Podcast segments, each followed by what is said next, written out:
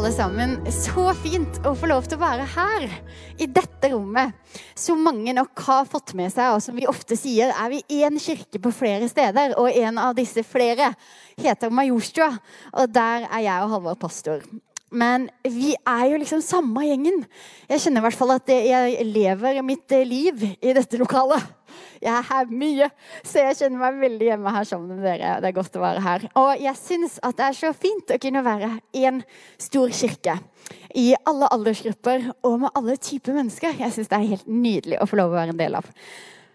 Men denne søndagen så går vi i gang med en ny og jeg syns en veldig spennende serie som heter Konkurrerende fortellinger. Og la meg gi et lite bakteppe på dette her. Erna Solberg fortalte en gang eh, en historie om den gamle og unge fisken som møttes i vannet. Den gamle spurte da den unge ja, hvordan er vannet i dag? Og den unge svarer hva er vann? Vi lever alle midt i en kultur med noen bevisste og ubevisste fortellinger som vi tolker egentlig virkeligheten gjennom hele tida. Det skjer med oss alle, også om vi som denne her unge fisken ikke vet helt hva vann er, eller kanskje hva disse her fortellingene egentlig er. Mange av fortellingene rundt oss er gode, og de er preget av eh, vår kristne og humanistiske kultur og tradisjon og arv. Men noen av disse rådende fortellingene i vår tid bryter egentlig litt med den bibelske hovedfortellingen. Og siden vi tror at disse her fortellingene vi lever ut ifra, preger oss mer enn vi kanskje egentlig er klar over, så har vi lyst til å sette litt fokus på dette som kirke. Og derfor har vi denne her serien som vi har kalt 'Konkurrerende fortellinger'. Og det er ikke altså fordi at uh, vi mener at alt i vår samtid eller kultur er galt. Tvert imot så lever vi egentlig i et av de beste samfunnene i historien. Men Paulus anbefaler oss å være våkne. Så det er det vi forsøker å være. Har dere hørt om eh, predikanten fra Jern som ble utfordret på avholdssynet sitt? En kar spurte litt sånn halvspydig, men eh, gjorde ikke Jesus vann om til vin, da? Eh, ja da, vi vet at det står der, men vi liker det ikke. Her har eh, pietisten fått liksom blomstret fullt ut. Og det aner meg at han kanskje er litt sånn halvfarga av noen fortellinger rundt ham. Så vi, I denne her serien skal vi ta opp fire konkurrerende fortellinger. Og det er ut fra disse her tematikkene. Det er skapelse, som er i dag. Det er fall, frelse og gjenopprettelse. Så det er bare å følge med. Eh, det blir veldig veldig spennende eh, søndager fremover. I dag skal vi altså snakke om skapelse versus tilfeldighet. Og når man snakker om skapelse, så snakker man ofte om hvor, eh, hvordan skapelsen har skjedd. Men jeg vil kanskje påstå at enda viktigere er å tenke hvorfor har skapelsen egentlig skjedd? Og det er det vi skal liksom fokusere på i dag. Så de neste minuttene vil jeg forsøke å bryne oss sjøl litt på brytningen mellom ideen at vi er skapt for en hensikt, og spørsmålet om alt dette egentlig bare er tilfeldig. For det finnes åpenbart en del grøfter i begge leirer som kan gjøre det kanskje litt vanskelig, syns jeg i hvert fall, å svelge påstander som 'godhet uten Gud er null', eller ja, jeg har hørt at nordmenn er verdens lykkeligste, men eh, det er vel ikke egentlig sånn på skikkelig lykkelig. Alle går vel egentlig rundt og føler de mangler noe. Det vil alltid være et svart hull inni sjela et sted, jeg lover. Samme tid kan det kanskje også være krevende at vi som meningssøkende vesener, som jeg vil påstå at vi er, skal finne sjelero i en forklaring hvor essensen er hva meningen med livet er, finnes egentlig ikke noe svar på. Målet er at vi alle skal innta rollen som meningsskapende agenter i eget liv. Det syns jeg også er litt vanskelig å svelge. I en spørreundersøkelse gjort av SSB svarer 40% av de opplever livet som meningsfullt. 53% svarer middels, og 8% svarer at de i liten grad opplever livet som meningsfullt. Med mine mattekunnskaper eh, lander jeg på 101% ut fra disse tallene, men det får vi også bare svelge. Uansett, dette tyder på at vi har det vel sånn OK pluss meningsfylt. Professor i filosofi eh, Dan Dennett han har en spennende TED-talk hvor han eh, ut fra sitt ateistiske blikk på mening eh, konkluderer med Vi trenger ikke en tro på Gud for å være gode, og heller ikke for å oppleve mening med livet. En psykolog med et ateistisk eller agnostisk ståsted både bekrefter og nyanserer dette. vil jeg si. Han sier det kan se ut som om mennesker er meningssøkende av natur. Da er det på sett og vis tragisk at vi er født inn i en verden hvor det ikke er installert en mening på forhånd. Vi må altså anstrenge oss noe veldig for å skape meningsfulle livsprosjekter. Det virker som det fins en bred enighet i at det synes å høre egentlig kun til mennesket. Å søke etter denne større meningssammenhengen. Mange har nok eh, gitt opp egentlig tanken med at det fins en større mening i universet et eller annet sted. Men i stedet, tror jeg, så finner vi en eh, vårt lille meningsunivers med vår familie, vår jobb, våre reiser, det vi fyller livet med. Og Dette kan kanskje gi mening ut fra SSB sine tall. Så mange opplever tilværelsen som meningsfull fordi livet har gitt dem et lite meningsunivers. Mens flesteparten har det sånn middels. Deler av livet funker, andre deler funker overhodet ikke. Meningsuniverset har sine sprekker og mangler, men det går helt OK. Og så har du en gruppe som synes det er vanskelig å finne en mening med alt. Vi kan foreløpig konkludere med at vår kulturs rådende tenkning er at det finnes ingen ultimat hensikt, men at enhver må skape sin egen så godt man får til. Og I forlengelsen av dette kan man kanskje også si at en rådende tenkning er at vi setter det skapte i sentrum. Og at dette skapte ses på som ses ikke på gaver som er gitt oss, men at det ses på som noe vi egentlig bare trenger å gjøres fortjent til. Og I den sekulære nordmanns meningsunivers står uten tvil familie og venner og jobb veldig sentralt. Og det er mye som kunne blitt sagt om det. Men som jeg så vidt nevnte innledningsvis, det er mange områder av vår kultur og vår tenkning og måte å prioritere på i samfunnet vårt som egentlig bærer sterk preg av vår kristne og humanistiske kultur og tradisjon. Og der iblant vil jeg kanskje egentlig tenke at vi også eh, ved å sette, ta vare på familie og vi arbeider osv. at dette henger i tråd med det. Og det bærer preg av det.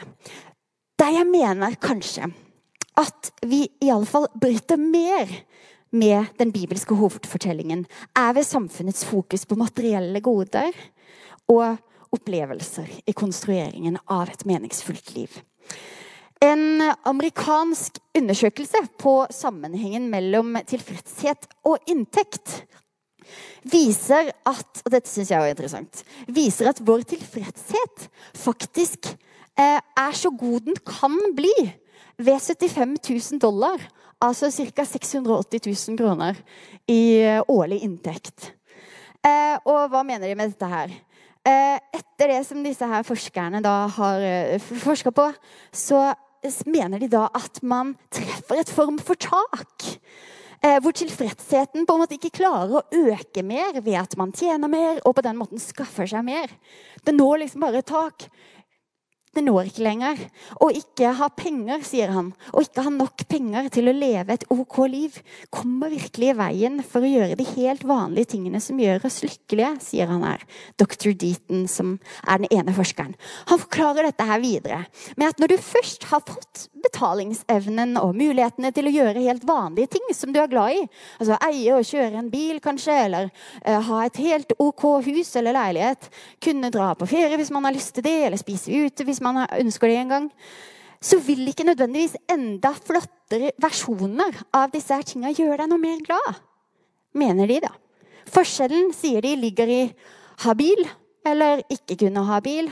Ha mat på bordet eller ikke ha mat på bordet. Ha en grei plass å bo eller egentlig ikke. Kunne dra på ferie og ut og spise eller ikke kunne gjøre det. Og hva er det vi kan trekke ut av dette her? Sosialantropolog og forsker Thomas Hylland Eriksen sier i boka si 'Storulvsyndromet', 'Jakten på lykken i overflodssamfunnet', han sier dette her, at man leser i avisen at innbyggerne i Nigeria og Vietnam viser seg å være så vanvittig lykkelige, mens man sitter på trykken i et av verdens rikeste og tryggeste land og ser på alle de sure novembertrinnene rundt seg. Og han fortsetter og sier i hele det tyvende århundret og en ganske stor del av det nittende var politikken basert på den, en overbevisning om at økt materiell velstand var et absolutt gode. Da folk gikk sultne til sengs og frøs om vinteren, var jo dette åpenbart riktig. Men hvordan forholder vi oss til dette nå? spør han. Vi snakker fremdeles om at vi mangler noe. Og sannheten er nok at det gjør vi. Men det vi mangler, er ikke ting. Et annet sted så sier han overfloden har ikke gjort oss lykkelige, bare mette, og kanskje litt feilernærte. Han setter det absolutt på spissen, men oppsummert kan vi si at den rådende fortellingen i vår kultur bl.a. er at det finnes ingen ultimat hensikt. Enhver må skape sin egen, og at det skapte står i sentrum. Ok, Nå skal vi smyge oss over i den kristne fortellingen og se litt på hva er det Bibelen sier om disse tinga. Hva sier vår kristne kultur? For er meningen med livet bare subjektivt føleri? Eller går det egentlig an å si noe rasjonelt om meningen med livet og hvorfor vi eksisterer? Jeg vil påstå at Bibelen egentlig er ganske tydelig på dette området. Den sier en hel haug av ting, men jeg vil trekke frem disse to tinga. Gud har skapt oss med en hensikt, og Gud ønsker at vi skal glede oss over det skapte i takknemlighet til ham. En som eh, tross stor suksess opplevde livet som brutalt meningsløst, var Michael Phelps, som dere ser på bildet her. Som er altså den mestvinnende OL-utøveren i historien. Det er ganske sjukt. Men denne her meningsløsheten som han kjente på, den følelsen gjorde denne her disiplinerte og viljesterke mannen fullstendig satt ut. Så motløs. Og på sitt mest suksessrike punkt, egentlig karrieren, hvor liksom livet hans så utenfra ut til å bare pike, så bare opplever han tidenes identitetskrise. og Han tar mange destruktive valg, og det ender med at han ønsker å ta sitt eget liv. Midt i denne her kaotiske situasjonen så er det en god kristen venn som dukker opp. Som også er toppidrettsutøver, som nok forsto litt hva han sto i. Som rakte ut en hånd til han. Denne her kameraten hjalp Phelps til å oppsøke en klinikk. Og på veien dit så ønska denne her vennen at han skulle ta med seg boka 'Målrettet liv', som sikkert noen i rommet her har hørt om. Og denne her skulle få en avgjørende betydning for Phelps sin gjenopprettelsesprosess. Og han sier sjøl Boka fikk meg til å tro at det finnes en kraft som er større enn meg selv, og at det er en hensikt med livet mitt på denne planeten. Det hjalp meg da det stormet som mest. Og Phelps er langt ifra den eneste som har fått hjelp av innholdet i denne her boka. 'Målrettet liv' er skrevet av pastor Rick Warren, en amerikaner. Og er vel, kan man si, en av moderne histories mest solgte bøker. Solgt 32 millioner kopier og solgt, eller oversatt til 85 språk. Noe som for meg understreker at hensikt og mening er noe vi mennesker trenger og er dypt nysgjerrige på. Du har skapt oss til deg, Gud, og vårt hjerte er urolig inntil det finner hvile i deg, har en av oldkirkens største teologer, Augustin av Hippo, sagt. I Kolosserne 1,16 leser vi for i ham er alt blitt skapt. I himmelen og på jorden, det synlige og det usynlige, troner og herskere, makter og åndskrefter. Alt er til, alt er skapt ved ham og til ham. Jeremia 1,5 sier Før jeg formet deg i mors liv, kjente jeg deg. Før du ble født, helliget jeg deg. For noen av oss kan kanskje dette være bibelvers vi syns vi har hørt mange ganger. Men les det en gang til, og ta det innover deg. Før jeg formet deg i mors liv, kjente jeg deg. Før du ble født, helliget jeg deg. Dere, Bibelen minner oss om at jeg og du er. Fordi vi har en Gud som ville at vi skulle være. Og jeg syns det er en helt svimlende tanke når jeg lar den synke inn. Bibelen minner oss om at du og jeg er fordi Gud ville at du og jeg skulle være. Og Bibelen er klokkeklar på at vi er skapt til en relasjon til Gud sjøl. At han har ment oss, at han har villet oss, at han har forma oss. Han sier at han så oss den gangen vi var et foster. Han sier at vi er hans verk. Det skal ikke mange sidene i Bibelen til vi leser før vi bare får mata oss litt med alt han sier. For han sier så utrolig mye om hva vi er skapt til å være, og hvordan han ser på oss. Rick Warren, som jeg nevnte, han sier det egentlig ganske godt. Du er ikke et resultat av tilfeldige hendelser. Selv før universet ble skapt, hadde Gud deg i tankene og planla et meningsfylt liv for deg etter sine hensikter. Det er stort å tenke på, syns jeg. Det andre jeg vil trekke frem, er at Gud har skapt oss til å glede oss over det skapte i takknemlighet til ham. Og dette oppsummerer mitt liv godt i kaffe og natur. Det er livsnytelse for meg. Og personlig er jeg en håpløs livsnyter, vil jeg egentlig si. Jeg elsker god mat. Jeg har drukket én iskaffe hver dag i nøyaktig Nei, nesten nøyaktig 500 dager. Kan du slå den? Det er fra den dagen barnet kom og søvnen gikk. Jeg elsker å gå på kafé. Jeg elsker å skravle timevis med gode venner spise smågodt og sløve på sofaen og drømme meg bort i interiørblader og leke og le gjennom en hel dag med min datter Amanda. Ligge timevis på stranda og gå dagslange turer i marka og dra på deilige ferier. Høres det bra ut? Det med meg. Og man kunne jo kanskje tenkt at ah, alle disse iskaffene skal jeg ha dårlig samvittighet for at jeg nyter alt dette her som livet har å by på. Jeg tenker kanskje ikke. Men jeg tror vi trenger, for jeg tror vi trenger, å ta til oss en sunn og god bibelsk skapelsesteologi. Wayne Grudem, en kar, en innflytelsesrik systematisk teolog som har skrevet et verk på 1000 og altfor mange sider, han snakker om at det fysiske universet er bra i seg selv.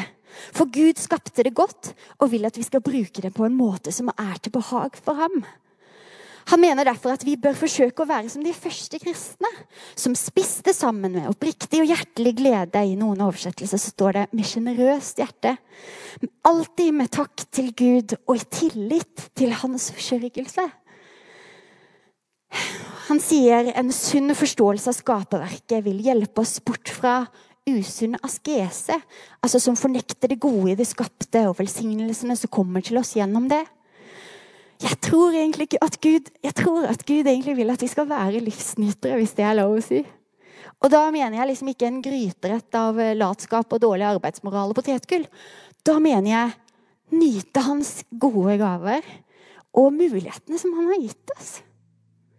Og da mener jeg heller ikke å fråtse eller å ha et overforbruk som skaper urettferdighet. Men vi trenger å ha et positivt syn på det skapte og kunne glede oss over det. Men så bør det heller ikke stanse der, er min siste påstand. For C.S. Lewis han gir oss en god illustrasjon på dette, her, syns jeg egentlig. Han sier at når vi kjenner solstrålene, når vi kjenner at de varmer, når de lyser opp, når de setter farge på omgivelsene våre, så må vi huske også å følge solstrålene tilbake til solen sjøl, som er kilden, som er opphavet, i takk og i beundring av Gud. Og dette her leder oss igjen tilbake til relasjonen som han eh, har ønska at vi skal ha med han. Relasjonen til en Gud som sier at 'jeg har ment deg', at 'jeg har villet deg', 'jeg har formet deg'. Som sier at du er hans verk. En helt spesiell gave. Og i tillegg så hjelper det oss til å ha et sunt forhold til både relasjoner og våre materielle goder, tror jeg. Ved å kunne løfte blikket tilbake til opphavet. Hvor er det dette kom fra? Jo takk, det kom fra deg, Gud. Vi ber sammen til slutt. Herre Jesus, takk for at du ønsker en relasjon til oss. Takk for at det er du som tar initiativet. Og at vi kan bare få lov å si ja takk. Og så ber jeg Gud om at eh, du skal kanskje gi en større åpenbaring av hva du ønsker for livet vårt. Jeg ber om en spesiell berøring kanskje for de menneskene her i rommet som kjenner at hvordan er dette egentlig, og hva er det føles rotete? Hva er jeg egentlig for? Jeg ber om at du skal klarne det kanskje litt opp for oss de neste dagene. Minne oss sjøl og prikke oss litt på skuldra og si jo, det er dette. Først og fremst, du er min sønn, du er min datter. Men også at du minner oss sjøl på hva det er du ønsker at vi skal gjøre og være. Og så ber jeg om din hjelp til å se på gavene og godene som vi har rundt oss, som gave fra deg. Hjelp oss å klarne det opp, sånn at vi ser deg bak alt det gode, alt det positive rundt oss som vi har fått. I ditt navn. Amen.